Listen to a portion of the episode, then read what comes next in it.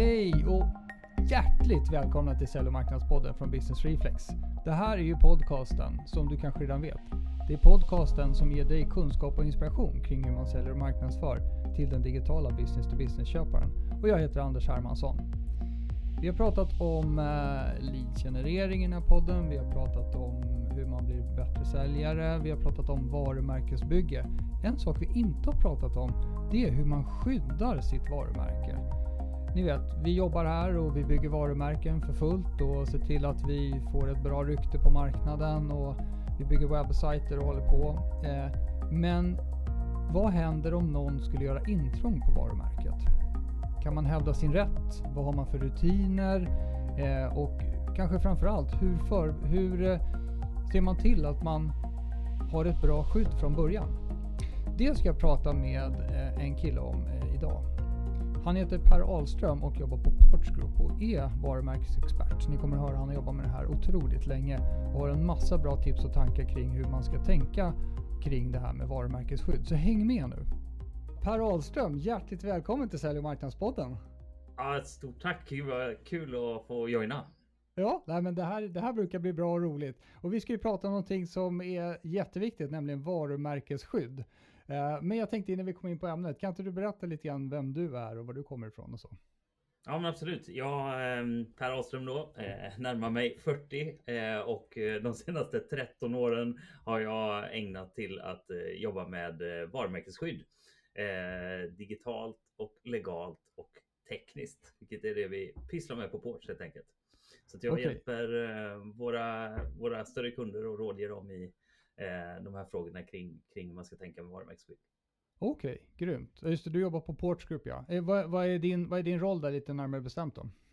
Eh, nej, men jag hjälper till som journalist kan man väl säga då eh, och rådgivare till eh, våra större kunder och ser, eh, hjälper dem och eh, hur de ska skydda sina varumärken i form av domännamn men också då legalt, alltså att hur man registrerar sina varumärken på olika marknader. Då. Ehm, och det kan drista sig om intrångsfrågor och sådana saker också om någon har mm. registrerat ett varumärke som är likt eller eh, domännamn som gör intrång. Eller vad ja, vi kommer ju komma in lite mer på detaljerna kring det där, men, men bra, ja. bra introduktion så nu fattar man vad, vad vi ska prata om. Va, varför tycker du vi ska överhuvudtaget bry oss om det med varumärkesskydd? Man har ett varumärke, det har man väl, så har man det. Ja, men precis. Alltså om man om man egentligen börjar i den änden hur ett varumärkesskydd eh, kommer till eh, väldigt kort så finns det egentligen två sätt. Alltså antingen kan man registrera ett varumärke eller så kan man ju få det inarbetat, alltså att man eh, uppnår en sån grad av igenkänning så att säga i sin målgrupp att det, att det faktiskt uppstår en registrering utan att man registrerar den då. Men, det, mm. men det, det, det, då ska man nästan vara i Google och Coca-Cola klass för att det ska för att det ska uppstå så att säga. Mm, så okay. att eh, i de flesta fallen så, så registrerar man ett varumärke och, och varför ska man ha ett varumärkesskydd då? Jo, det är för att egentligen alla de pengarna som man puttar in i sitt brand all mm. marknadsföring, alla annonser, eh, all utåtriktad kommunikation som kostar en massa, massa pengar givetvis och som, som ska syfta till att eh, attrahera ens målgrupp. Alla de pengarna skyddar man ju genom att ha ett varumärkesskydd. Så att man säkerställer att man har ensamrätten till det här namnet som man puttar in så mycket pengar i. Huh. Så det handlar egentligen om att se till att andra inte kan sno det där som man har jobbat upp då eller? Ja, precis. Eh, det är helt riktigt. Man, man säkerställer att man har ensamrätt till den här loggan, till det här ordet. Eh, eller det kan också vara en ljudjingel. Det kan vara en färg och det kan vara, ta sig många, många uttryck. Men i de allra flesta fallen, som det som vi jobbar med, så är det ett ord eller en, en logotyp eh, som ah. man skyddar. Då. Okay. Men, det, men det är faktiskt också en intressant aspekt på det som väldigt många glömmer av. Det är att det handlar faktiskt inte bara om att man ska ha ensamrätt själv. Utan det handlar också om att man inte ska begå ett intrång på någon annans rättighet. För att om jag inte registrerar min rättighet så kan jag begå ett intrång på någon annans rättighet utan att jag Aha, vet om just det. det. Jag, fattar. Så, så, i själva registreringen så, så gör man också en koll av att man inte gör intrång på någon annans? Ja, precis en koll, men det kan också vara att man, att man eh, låt säga då att man finns i eh, Norge och sen så ska man expandera in i Sverige och så mm. registrerar man inte sitt varumärke i Sverige utan man, man går in där man har egentligen ingen rätt till det namnet som man, som man marknadsför då. Eh, då kan det finnas ett varumärkesskydd i Sverige som eh, är identiskt eller väldigt likt det eh, som du marknadsför. Ja. Eh, och då gör du helt plötsligt ett intrång på det här svenska varumärket. Eh, mm. Fast du inte ens vet om det. Och då hamnar du, kan du hamna i den värsta situationen av alla, att du helt enkelt måste byta eh, varumärke. Just så du måste ha ett varumärke i Norge och där du kommer ifrån och så måste du ha ett annat i Sverige. Och det är en mardröm liksom med logistik ja, och alla de här Usch. delarna.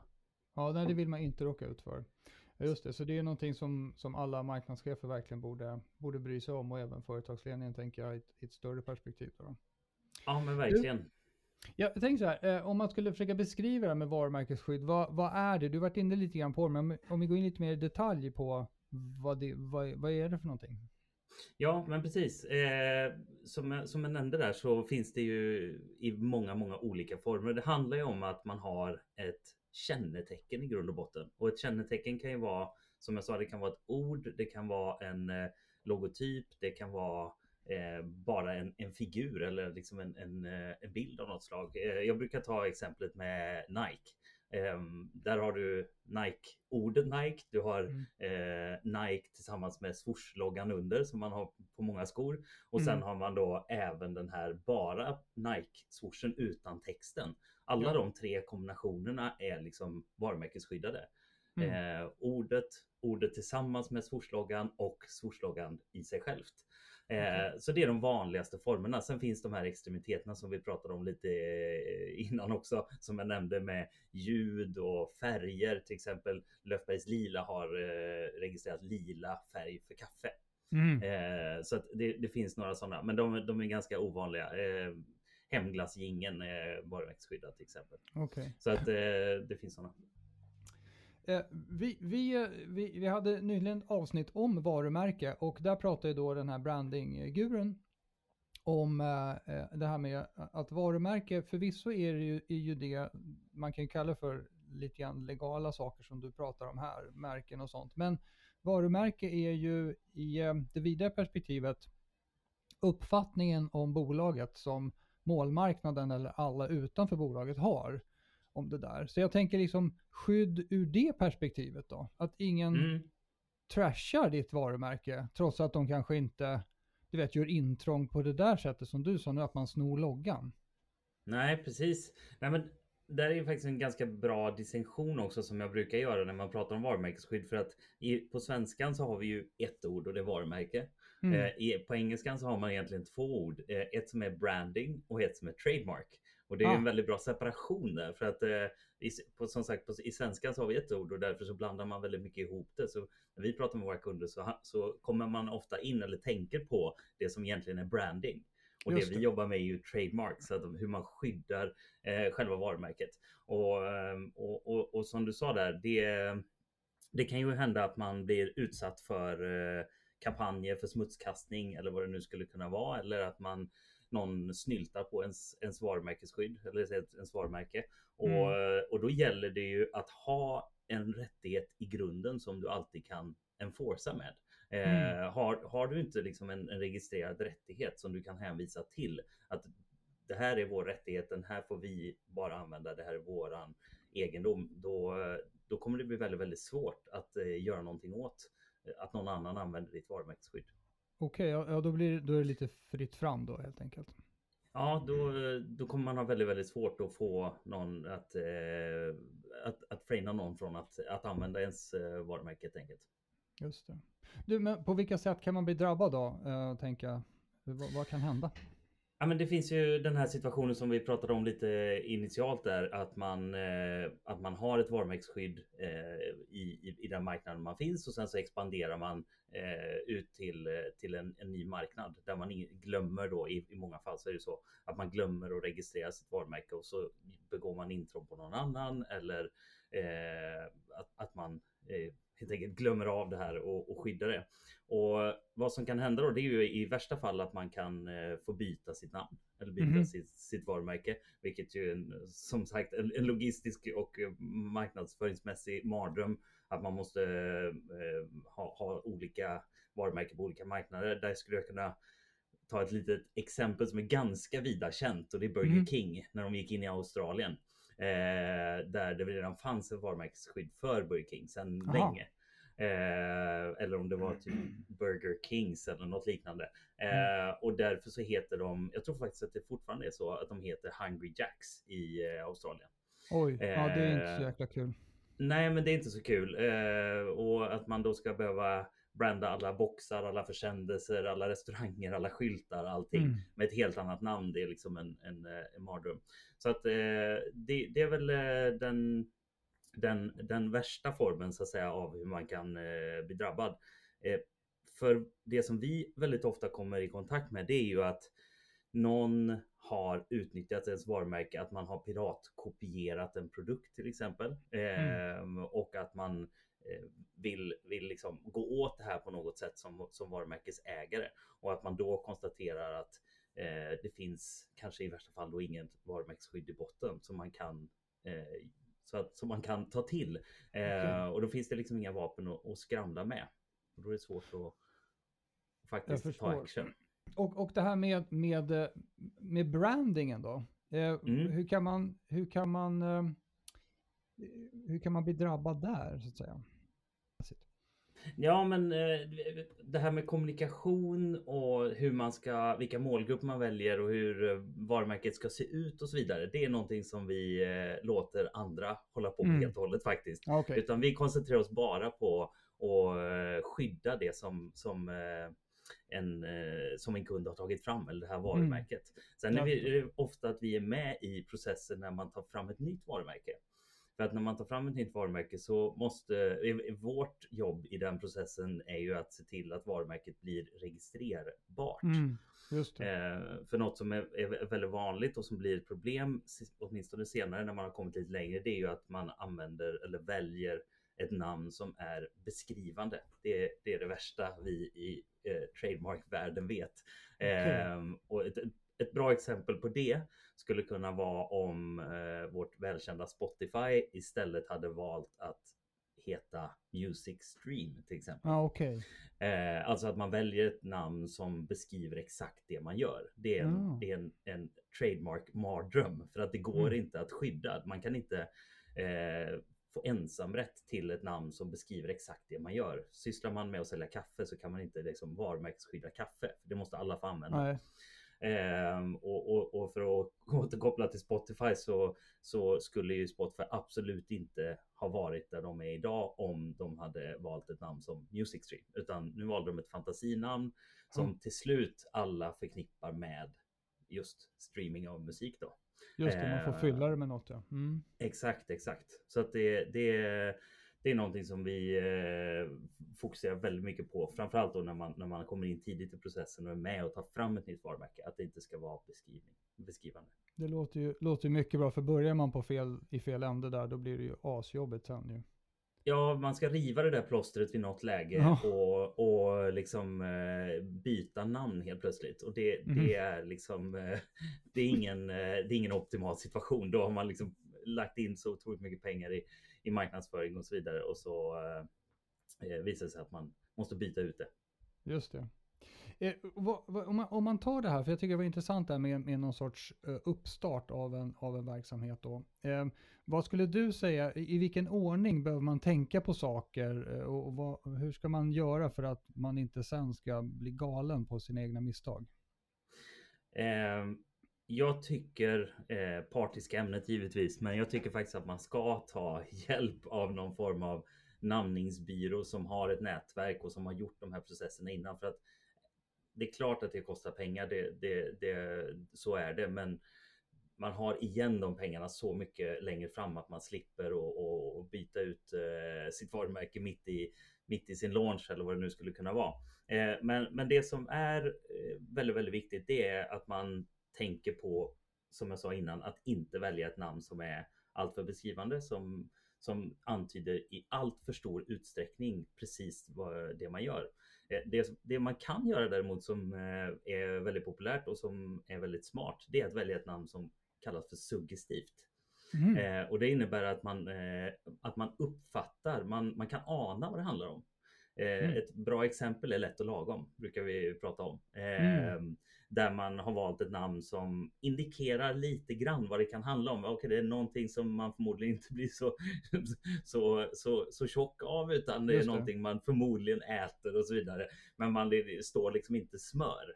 Eh, och det, det är faktiskt nästan den bästa formen av varumärke där man, där man har eh, kunderna kan förstå lite grann vad är det det handlar om för produkt. Men okay. det ändå, står ändå inte rakt ut precis vad det, vad det är för någonting. Ja, jag fattar, för det... Det, min tolkning av det där, det blir då alltså att man, man beskriver liksom sin position inom kategorin i sitt varumärke.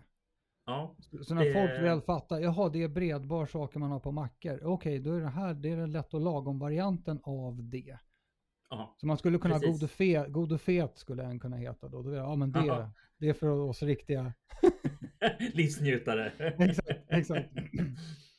Exakt så. Eh, så det, det, den är väldigt viktig. Eh, sen faktiskt ett, ett, ett, tips då till eh, alla som är värt att säga många gånger. Det är ju att man ska, det här med domännamn och varumärken hänger väldigt mycket ihop. Och ett, ett, varumärke där man inte har sin .com-domän eh, kommer eh, kanske få svårt eh, att flyga in internationellt på sikt. Ja. Så eh, någonting som är jätte, jätteviktigt och som alla borde ta till sig det är att registrera domännamnen först och registrera varumärket sen. Väldigt vanligt att man gör tvärtom. För man tänker att varumärket är det viktigaste. Det registrerar vi först och sen tar vi domännamnen. Men det som, det som man failar på då, eh, det är att eh, alla varumärkesregistreringar går ut i centrala databaser som alla kan se. Okay. Och framför allt de som har oärliga syften och vill tjäna pengar på, eh, på en sån här möjlighet då. Så att då, då ser de vilka varumärken som kommer in och sen så registrerar de domännamnen och så sitter man i situationen att man inte får tag i sitt, eh, sitt kära domännamn då. Så att börja med domännamnet, sen varumärket. Kan vi typ prata nu ur svenskt perspektiv? Vilka toppdomäner tycker du man måste säkra upp? .com är ju fortfarande eh, absolut by far eh, den viktigaste. Det är ingen tvekan om det. Eh, så, så har det alltid varit och så är det mm. fortfarande. Mm. Jag tror att eh, många kanske känner till att det numera finns en massa olika ändelser som .tech och .cars ja, och .pizza och det finns ja, liksom massa varianter. Det där, det där lanserades för eh, ja, 6-7 år sedan eh, och det är ett försök att liksom bredda och försöka få dotcom att inte bli så eh, otroligt dominant. Eh, men, men, det, och det har väl lyckats kanske lite grann, men det är fortfarande så att .com är absolut den eh, mest viktiga. Så det är ja, verkligen. Man chansar ju inte på, ja okej, okay, Spotify, ja men då ska jag gå in på Spotify, så här, då är det nog Spotify.pizza. Det chansar man liksom inte på. Är, Nej, eller Spotify.music skulle man väl kanske kunna tänka sig. Men, men jag menar, det, det finns ingen konsument som känner till att, att det är det det är. Så Nej. att eh, .com är utan tvekan. Sen eh, Sen har det väl varit en, en vridning de senaste, jag ska säga, senaste decenniet om man tittar på det, eh, där man har gått ifrån att man ska ha alla eh, .info, .biz ja. och så vidare. Och eh, .nu var ju populärt i Sverige. Ja, men precis. precis. Mm. Eh, och .nu är ju faktiskt lite eh, värt att veta fakta. Eh, är ju en ö som heter Niue Ja. Eh, som, som, eh, men som passar väldigt bra på svenska så att det blev, eh, blev liksom en toppdomän. Men, men, eh, ja, men jag skulle säga att .com plus de länder där man är inne.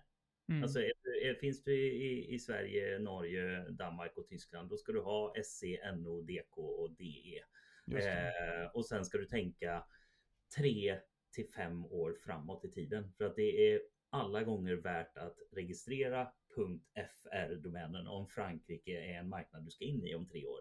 Ja, eh, vänta liksom inte då och, och, registrera FR när det väl är dags utan eh, gör det i god tid för det, blir, det kan bli otroligt dyrt om man inte säkrar det där i, i god tid. Sant. Grymt. Du, jag tänker på, vi har ju pratat om lite olika sätt man kan drabbas av det här med varumärkesintrång och sådana saker. Men hur blir man riktigt bra? Vad är det som krävs för att man ska liksom kunna upptäcka att det här händer? Jag menar, det är ju en stor digital värld där ute. Hur, mm. hur håller man koll på att ingen missbrukar ens varumärke? Det finns ju en uppsjö givetvis av eh, olika tjänster som kan hjälpa en att eh, hålla koll på eh, sitt varumärke. Det, det, som vi, eh, det som vi rekommenderar först och främst inom det eh, skrået som vi arbetar, det, det är ju att man har en domännamnsbevakning mm. som snappar upp vilka domännamn registreras som innehåller vårt namn eller som liknar vårt namn. Och det kan vara bra av många skäl. Och dels kan det vara så att man jobbar med affiliates som driver trafik till en sajt och då är de ofta väldigt pigga på att registrera ens varumärke och driva trafik som faktiskt egentligen tillhör bolaget från första början så att det, man stjäl så att säga trafik på det sättet. Ah, okay. eh, och, och, eh, det kan också finnas eh, sådana som registrerar domännamn som liknar eh, bolagets och skickar ut förfalskad e-post och så vidare. Så ja, domännamnsbevakning är ett jätte, jättebra sätt att hålla koll på vad som händer där ute. Och det, man ska inte bara tänka att det här händer bara Google eller det här händer bara McDonalds eller vad vi nu ska Nej. ta för big brands, utan det här sker faktiskt på alla. Det sker på Porch Group. Det sker mm. på alla bolag egentligen hela tiden. Så att eh, det, det, är, det är faktiskt en jättebra tjänst. Ehm, och likadant å andra sidan då så har du en legal bevakning, alltså en varumärkesbevakning som håller koll på om det är någon som registrerar eller ansöker om ett varumärke som är alldeles för likt eller identiskt med ditt egna. Då. Ja, och, då, och då kan eh, man komma in och bestrida det på något sätt innan det är ett fullbordat faktum eller?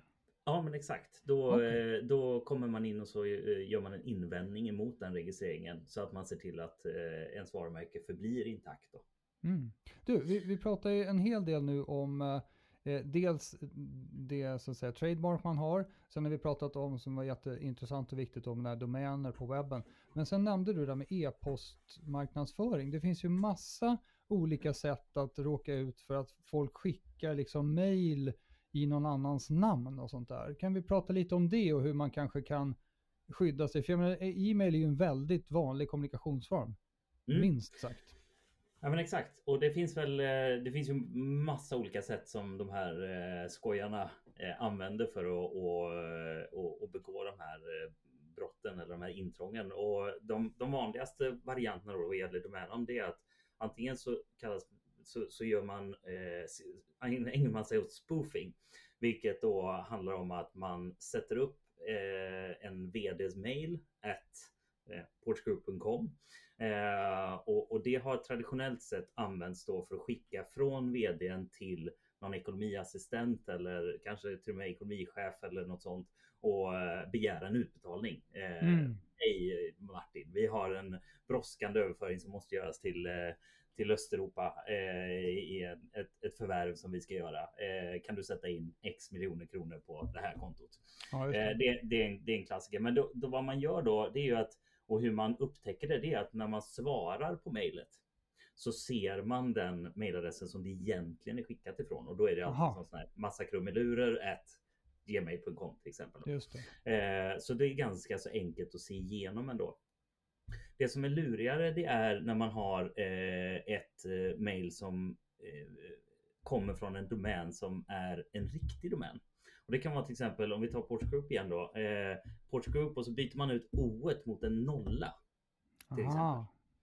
Eh, det blir väldigt, väldigt likt eh, mm. och det är inte alltid man reagerar på och där ser man heller inte när man svarar då att det Nej. kommer till någon fejkadress utan den ser precis ut som ett vanligt emellan, som ett riktigt emellan. Men med en liten, liten avvikelse då. Så där får man ju vara väldigt, väldigt uppmärksam om man ska hitta, om man ska liksom se det där eh, och spotta det. Så att där, eh, det är två metoder som, mm. som används. Och, eh, den första metoden, den här spoofing-metoden som vi pratar om, den, den kan man åtgärda väldigt mycket tekniskt. Alltså man, man har inställningar som gör att man bara får skicka e-post med eh, vår domän, vårt domännamn från ett visst IP-nummer till exempel, från mm. en viss e-postserver. Så där, den kan man motverka på, på teknisk väg. Däremot det här varianten då där man registrerar ett domännamn med en, en eh, nolla istället. Mm. Eh, där måste man ha en domännamnsbevakning. Okej, okay. och då, då, då, är tipset att man får inte ha några varumärken namn med bokstaven O eller i eller något sånt där som går att bytas ut mot en siffra. exakt, exakt. Undvik alltid det. om, man, om man är paranoid så ska man undvika det. Mm. Ja, ja. Nej, men det, ehm, det är... Ehm, Eh, verkligen att rekommendera. Nej, det går inte såklart, mm. utan mm. man måste bevaka och ha koll på vem, vad som registreras och hur det registreras. Just det. Eh, det, det, det jag, jag ska jag ställa en fråga om ett område som jag inte är så inne på, men som jag vet är liksom viktigt. Det är ju det här med att, att, man, att man ska kunna lita på olika saker på internet har ju mycket att göra med certifikat. Och, ja. och hur, hur är det kopplat till allt det här vi har pratat om hittills? Eh, det du tänker på i de flesta fallen, det är det som kallas för HTTPS. Mm. Om man tittar upp i URL-baren där man skriver in eh, ett domännamn så, så uh, ser man nästan på alla sajter nu för tiden att det står HTTPS. Och Just förr i tiden så stod det alltid HTTP. Mm. Eh, och det där S står ju för secure. Så att är man på en sajt där det står HTTPS, vilket man nu för tiden nästan alltid är eftersom Google rankar HTTPS-sajter högre än HTTP. Mm. Eh, så är man på en, eh, en sajt som är krypterad.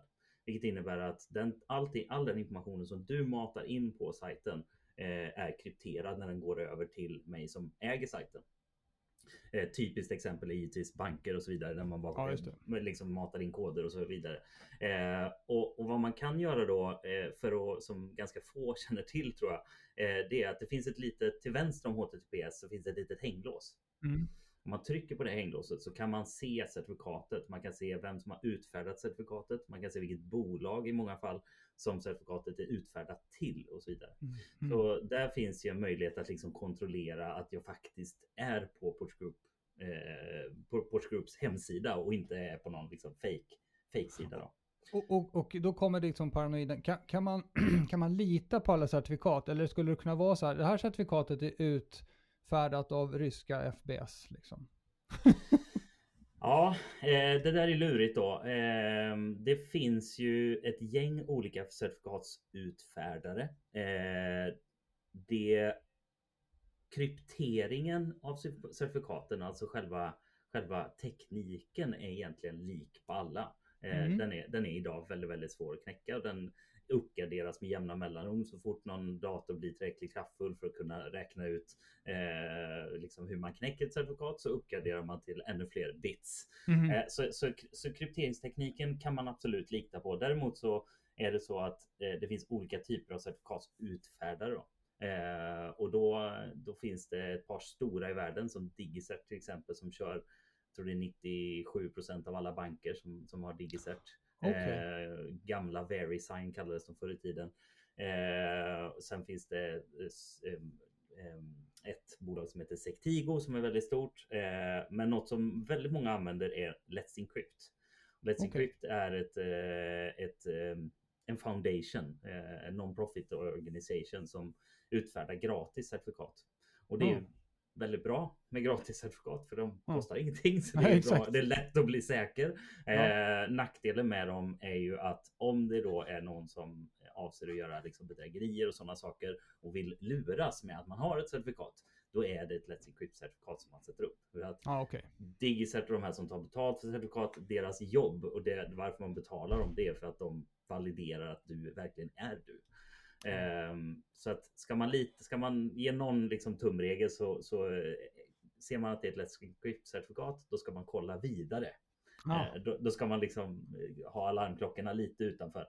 Eh, är det så att det är ett Digicert-certifikat eller, eller Sectigo, då kan man vara lite mer trygg. Skulle jag okay. Och det här är lite mer ur användarperspektiv. När jag går in på en sajt med någon mystisk, som jag tycker är lite mystisk, då kan jag klicka på hänglåset så att säga.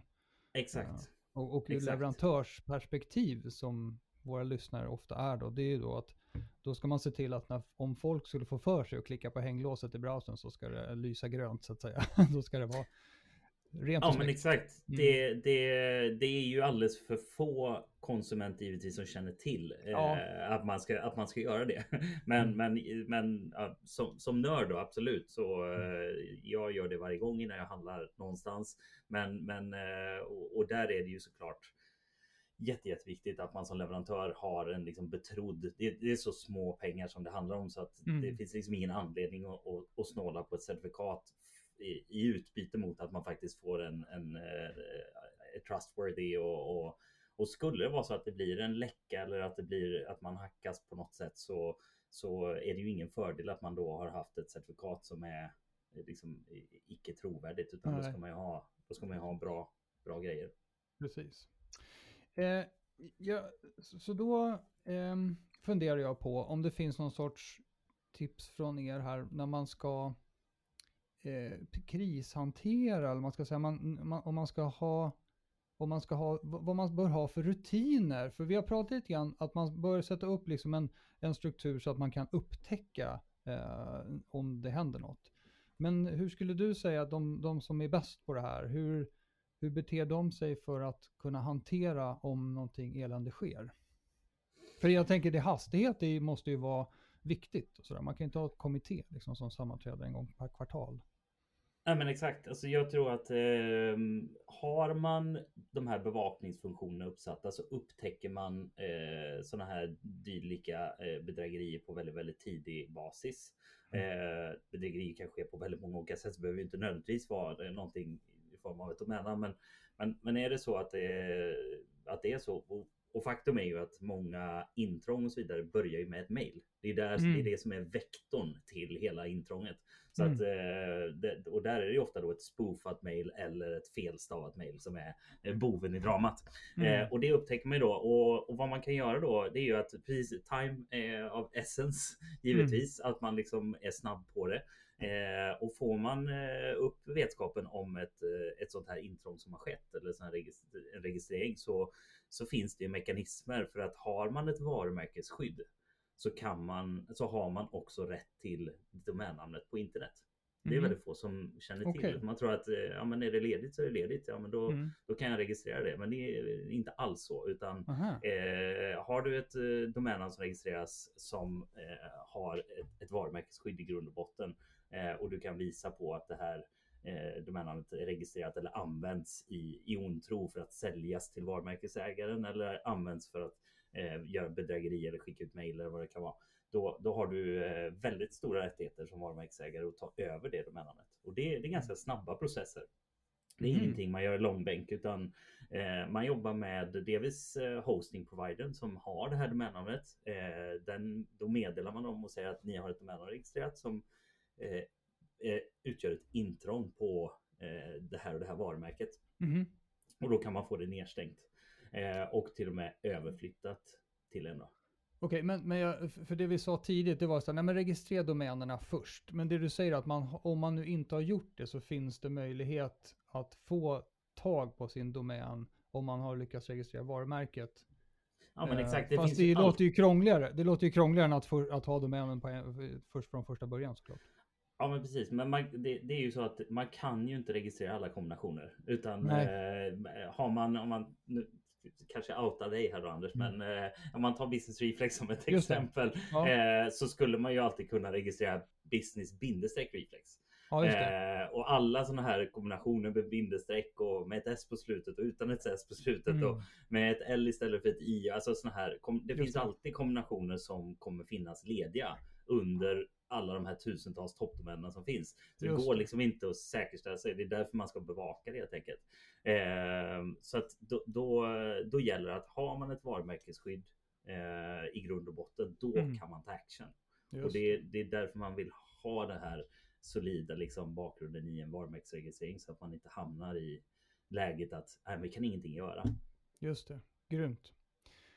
Okej, vem är det som på företag som borde liksom bry sig mest om det här om man tänker? Vad, vad hamnar, eller vad borde ansvaret ligga? Och vi kan, jag kan nästan börja om i frågan. Hur ser du att det borde vara? Borde det vara samlat eller delat? Eller, för jag kan tänka mig att vissa saker som jag pratar om är ju helt klart liksom IT-orienterade grejer. Och andra saker vi pratar om när man ska kanske lansera ett bolag, då är det ju marknadschefen, CMO, som håller på och pysslar med leder den delen av, så här, hur, hur ska man göra för att man ska vara på bästa sätt liksom rustad för att se till att ingen förstör ens varumärke eller snor det?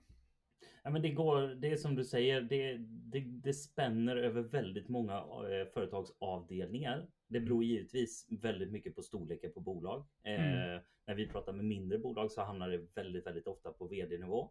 Ja. Eh, pratar vi med större bolag då hamnar det väldigt ofta på CMO-nivå. Eh, sen är såklart att IT eh, måste ju vara med för att de sätter upp domännamn och de vet eh, säkerheten och, Mm. och alla de här delarna. Men när det gäller att bestämma vilka varumärken man ska ha och vilka domännamn man ska ha i vilka länder och så vidare. Då säger jag att det är marknad. Det är marknad som, som bär den största delen av det här. Mm. Eh, sen får man faktiskt verkligen inte glömma en sak och nu, nu har vi pratat mycket om skydd och mycket att man liksom måste vara proaktiv och man måste eh, tänka på det ena och det andra. Men, men något som vi faktiskt inte ens har pratat om, det är bolagsvärde. Mm. Alltså när du väl kommer in i en process att du ska ta in pengar eller Mm. att du ska eh, faktiskt sälja hela ditt bolag. Eh, då är det ju någonting som är otroligt viktigt. För i många fall så handlar det ju om att även om du bara finns i Sverige har din verksamhet i Sverige så har ju en Mm. ny ägare till ditt bolag kanske en helt annan vision. De kanske redan finns i Europa. De Mm. finns redan etablerade. De har upptäckt ditt brand som de tycker är åh vilket fantastiskt, eh, vilken, vilken, vilken, vi- vad de har byggt upp, ett fint brand. Eh, Ja. Det här skulle vi kunna ta och kabla ut i våra kanaler som redan finns i hela Europa. Att då i den situationen konstatera att nej, vi har bara registrerat vårt varumärke i Sverige Just det. kontra situationen Nej, vi har redan säkrat vårt varumärke i hela Europa eh, och kanske till och med i Kina och Australien och USA Ja. också. Du förstår säkert spännvidden på den Verkligen. värderingen i bolag, på, eh, Ja. hur, hur det skulle slå. Så det är ju någonting som, det är den roliga sidan i detta. Det, det, det Ja. kostar massa pengar och det ska vara liksom skydd och proaktivt och så här. Mm. Men, men det som man glömmer väldigt ofta det är just den här värderingsaspekten som är det viktigaste av allt egentligen. Det tycker jag var, vilken, vilken bra, vilket bra tillägg. för Det känns som en positiv grej. Du, jag, jag har hört talas om en typ av tjänst som man ska kalla det för, där man kan få sin logga på mejlen på något sätt. Eh, har du Det- koll, vad är det för någonting? Det stämmer bra. Eh, det är någonting som kallas för Verified Mark Certificate. Eh, Mm. Det är ett samarbete kan man väl säga mellan eh, Digicert som jag nämnde tidigare som utfärdar certifikat och Google. Eh, Google är den, den största eh, inspelaren eller den största pilotbolaget i detta då. Eh, och det möjliggör helt enkelt att istället när du, du känner säkert igen att man får ett mail på eh, sin, sin Gmail så och det kommer från Per, då får man ett, ett P. En Mhm. liten rund symbol som där det står P. Mm. Eh, och, och istället för att bara ha den här runda symbolen eh, med ett P så, så skulle man då om man heter Porch Group skulle Mm. man kunna ha våran eh, logotyp istället. Våran runda eh, logotyp eh, som, som kunderna förhoppningsvis känner igen då givetvis och som de eh, ser en trygghet i och, och ser en validitet i att det här mejlet kommer verkligen från Porch Group. Så eh, det är det det handlar om och för, för att göra det så behöver man återigen ett registrerat varumärkesskydd. Jaha, det är så alltså. Och det, Ja. och det här är någonting, vad, tror Tror du det kommer att bli någonting av det här eller? Jag hoppas verkligen det. det jag menar, Google är ju, en, eh, är ju vår, vår största eh, maktfaktor på internet. Mm. Det är ingen tvekan om det. Så att det som Mm. Google går med i, det, det brukar också bli eh, den vägen de andra vandrar. Nu än så länge så är inte Apple och Microsoft med. Eh, det pågår väl diskussioner, men eh, som sagt, är Google med så, så brukar det förr eller senare bli så att de, de flesta hakar på. Just det, för, för det, för det blir för oss vanliga dödliga då så blir det så att våran medieklient behöver stödja att visa upp den här loggan istället för att eh, ja, inte göra någonting helt enkelt. Exakt, ett bra Mm. förtydligande. Så att har du en, en Gmail då, då, då fungerar det här redan. Mm, Eh, mm. Är det så att du har en, eh, en Outlook eh, e- e- e-postklient då, då kan man inte se det än så länge. Nej, okej, men det kanske, det kanske kommer då. Ja, Vi nej, men hoppas det det. kan väl, eh, ja, nej, men det kan ju vara bra. Då blir det ett enklare sätt. För, för i dagens läge, under huven så att säga med e-mail så finns det en massa säkerhets, eh, vad heter det, mekanismer som gör att man, man borde kunna lita på att ett e-mail kommer från den, rikt, den domänen som det säger att det kommer. Men det här skulle ju göra det mycket enklare att göra den bedömningen vad jag förstår. Ja, men precis att man visuellt verkligen kan se att eh, Mm. det här mejlet verkligen kommer från, eh, från, från rätt avsändare. Och det, återigen, det, det handlar om validering. Det är Mm. extremt höga krav för att få den här logotypen och kunna använda sig av, av den här funktionen. Och det, det, det ligger helt och hållet till grund för Just att man verkligen ska kunna lita på det. Ja, precis. Ja, men toppen. Jag hade en, det finns ju en, liksom en domän till där många, som många använder för kommunikation. Så det är ju sociala medier som Facebook och Instagram och sådär. Hur är, hur är den närvaron kopplad till det här med varumärke skulle du säga? Varumärkesskydd gäller precis lika mycket på Facebook eller på Instagram som det gör på eh, i, i, i den riktiga världen så att säga. Eller på, ett, på, en, på ens egna domän. Mm. Så, så är det absolut. Sen, sen är det så att det här är privata bolag och de har sina regler och de har sina sätt att eh, enforca eller inte enforca mm. eh, och bestämmer väldigt mycket själva. Så att eh, det är svårare tycker jag att upprätthålla varumärkesskyddet på sociala medier och verkligen få dem att ta action. Mm. Sen gäller ju lagen givetvis för dem precis som för alla andra, men det är väldigt mycket svårare att få dem att verkligen eh, comply eller vad man nu ska okay, Att ta ner ett konto eller några sådana här saker. Det kan vara liksom svårt att få gehör. Mm. Ja, och verkligen få. Jag hade en, en klient för eh, ett par veckor sedan som hade fått sitt, sitt konto nedtaget eh, väldigt godtyckligt eh, ah. av Instagram. Eh, där någon hade anmält deras konto eh, och, och, Instagram mer eller mindre bara hade stängt ner det utan att ha gjort några efterforskningar på eh, är det här verkligen en, en riktig claim eller är det inte det? Så man, man, man, man gör nog dumt i att lägga alla sina eh, all sin kommunikation och, och, och sina kanaler i eh, sociala medier. För det, det är riskabelt. Det är, vettigt, det är riskabelt. Det är ja, vettigt att ha. Sen, sen ska jag faktiskt kasta in en sak som, eh, som jag tycker är väldigt, väldigt relevant när det gäller just sociala medier. Tänker vi på Instagram så har ju de som en sån här runda plugg, sån här eh, profil. Just profil, det. så att säga. Och den är det väldigt få som har registrerat som ett varumärkesskydd. Ah. Och den blir allt mer viktig så att den i och med att vi använder sociala medier mer och mer och Instagram och så vidare så ah. blir ju det en väldigt eh, stark igenkänningsfaktor för bolaget. Just den här, den här runda figuren. Och det är väldigt få som tänker på att det faktiskt blir ett väldigt starkt varumärke på sikt. Så den bör man absolut eh, titta på och registrera. Ah, man glömmer det. Man kör på sin logga och allt sånt där som man tror ska vara på visitkort som ingen använder längre. Men så glömmer man bort Instagram-bluppen och den är den som flest ser. exakt så, exakt så. Jag fattar. Grymt. Du, jag tänkte så här, nu har vi ju pratat, det här är, det, det känns som att det är ett stort och vitt ämne det här, men vi, jag tycker vi har ju, vi har ju um, tagit upp de väsentliga delarna, hoppas jag i alla fall, eh, och kanske gjort människor förvirrade på en högre nivå. Absolut, det tror jag. ja, så då, då, då, då tänker jag så här, okej, okay, nu har man nu, nu har man hört det här avsnittet och man har för första gången kanske lite grann ägnat en halvtimme eller 45 minuter åt att, att lyssna på det här med varumärkesskydd. Men man har inte tänkt på, så mycket på det i övrigt. Vad tycker du man borde göra då härnäst som en konkret aktivitet om man nu är vd på ett, ett, eh, ett litet eller medelstort bolag? Vad, är liksom, vad borde man göra härnäst?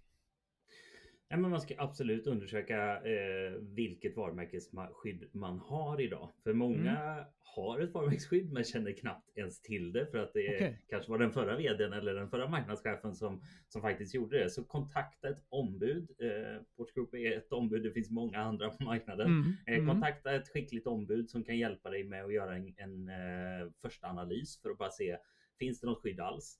Eh, om det inte finns något varumärkesskydd eh, registrerat idag så kanske det finns någon annan som har ett varumärkesskydd som är väldigt likt ditt och då finns det ju en, det finns ju en riskvektor i det liksom givetvis. Eh, och, och, och sen får man ju självklart rådgivning för eh, hur man ska eh, ta det vidare. Förhoppningsvis så kan man bara konstatera att ja, men vi kan bara göra en ansökan och så blir det förhoppningsvis en registrering och så, ja. och så är det fine. Eh, men i värsta fall så, så kan det ju finnas eh, lite bumps på vägen. Just det. Ja, men det var, väl, det var väl ett bra konkret tips att kolla upp nuläget helt enkelt så man åtminstone har koll på det. Exakt, exakt. Toppen. Du, sista grejen här. Om eh, någon skulle vilja prata mer varumärkesskydd med dig, hur får man tag på dig då? Eh, då skulle jag säga att man kan skicka ett mail till per porchgroup.com. Eh, jag finns ju givetvis på LinkedIn och, och de kanalerna också. Mm. Eh, så att no, någon av de vägarna eh, går mm. alldeles utmärkt. Ja, men grymt, då tar vi med den mailadressen i show notes i förra avsnittet så kan de bara klicka där om de vill mejla dig så får du, får du prata om det du gillar mest. Grymt, grymt, fantastiskt. Toppen Per, tack så jättemycket för att du var med i Sälj marknadspodden. Stort tack Anders. Bra, hej då. Hej hej. Det var allt jag hade att bjuda på den här gången från Sälj och marknadspodden. Jag hoppas att ni följer Pers råd nu och kollar upp vad ni har för typ av varumärkesskydd. Så att det inte blir ett elände om ni sen skulle sälja ett bolag eller om det är så att någon scammer där ute upptäcker er och gör er till måltavla för bedrägeri. Det vore ju riktigt trist för det är ju bara en massa onödig energi som ska gå till sånt jämfört med att serva kunder och skapa värde och sådär. Efter intervjun så eh, sa Per också att han hade faktiskt förberett tre stycken tips eh, och de tänker vi lägga in i show notes så att ni kan kolla extra noga där. Där finns även mailadressen till Per. Men jag måste ju säga att vad ni än gör där ute så ska ni vara relevanta. Hej då!